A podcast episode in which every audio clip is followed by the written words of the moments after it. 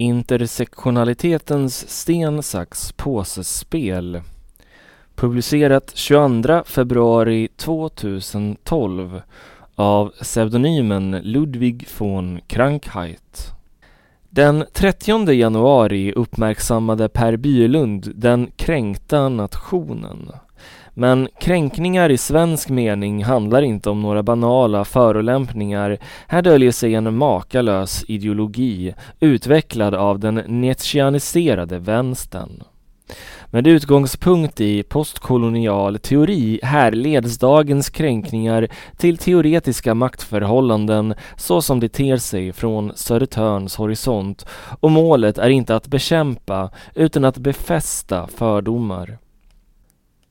Detta mynnar ut i ett raffinerat sten, sax, påsespel som går ut på att dra personlig nytta av hackordningar som är lika hårdbevakade som tennisens rankinglistor.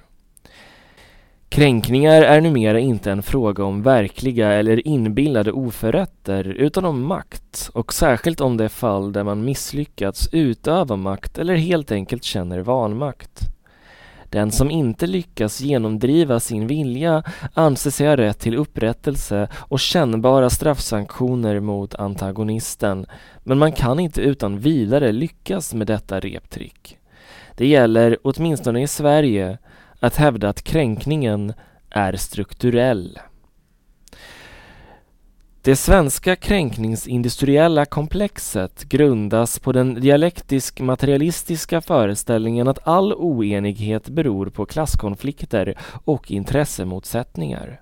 Den andra grundläggande föreställningen är att kränkningar inte nödvändigtvis handlar om hur individen blir behandlad utan är uttryck för strukturellt förtryck av och mellan grupper. Ingen behöver egentligen ha behandlats illa. Det räcker med att avgöra grupptillhörighet och åberopa samtida eller historiska sociala skillnader. För att nå framgång som kränkt måste man därför kunna göra gällande att man är ringaktad på grund av klass eller helt enkelt på grund av att man tillhör någon relativ minoritet. Sådana markörer är vanligen permanenta och kan därför med fördel åberopas i ny och nedan. Marxismens solidaritetsklausuler träder omedelbart i kraft eftersom det gäller att ha den svages parti, oavsett om denne har rätt eller inte. Denna inställning är allmänt utbredd och institutionaliserad i Sverige och därför bedrivs numera en uttalad grupp och identitetspolitik. Vem som är kränkt avgörs utifrån parternas relativa ställning enligt den så kallade intersektionalitetsteorins förtrycksmatris. Såväl den radikala feminismen som Masoud Kamalis strukturella rasism är exempel på dessa föreställningar omsatta i praktisk politisk handling. Kränkningar väcker stort allmänt intresse. Många får chansen att uttrycka sin indignation och visa sig rättfärdiga. De får utlopp för sina aggressioner genom att fördöma alla som avviker från den tvingande normativa ortodoxin. För säkerhets skull kallar man detta beteende för tolerans.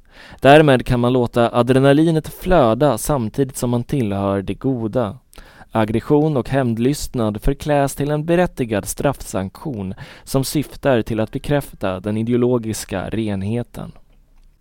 Eftersom individens enskilda rättigheter inte gärna erkänns i Sverige föreställer vi oss istället att individens rättigheter är kollektivets och kollektivets rättigheter är individens. Det är således staten som ger oss rättigheterna och istället för att ansvarsfullt individualisera möjligheterna att komma till rätta med oförrätter väljer vi att institutionalisera processen.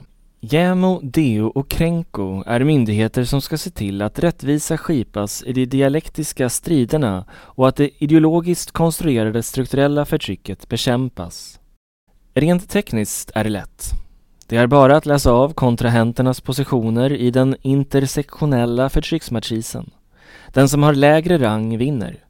Till exempel slår självklart kvinnan man medan muslim slår sekulär som i sin tur slår kristen. Även homosexuell slår kristen. Homosexuell är ungefär som sekulär, dock inte heterosexuell. Katolik är jämställd med pedofil och slås därför av allt. Men detta intersektionella sten, sax, påsespel saknar inte komplikationer. Problemen börjar när man kombinerar kategorier eftersom man samtidigt kan tillhöra mer än en kategori.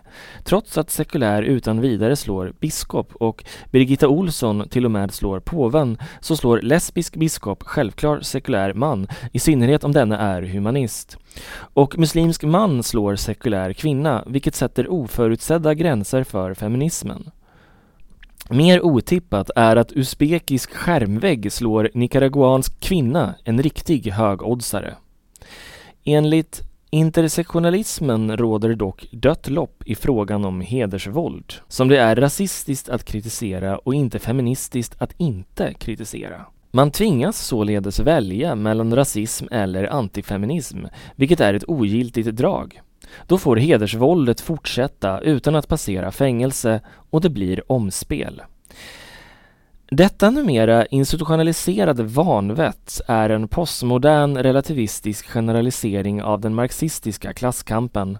Staten godkänner såväl de facto som de jure fördomar och diskriminering eftersom staten och myndigheterna öppet erkänner att de omfattar den etablerade intersektionalitetsteorin, en av den nationaliserade vänsterns favoritteorier.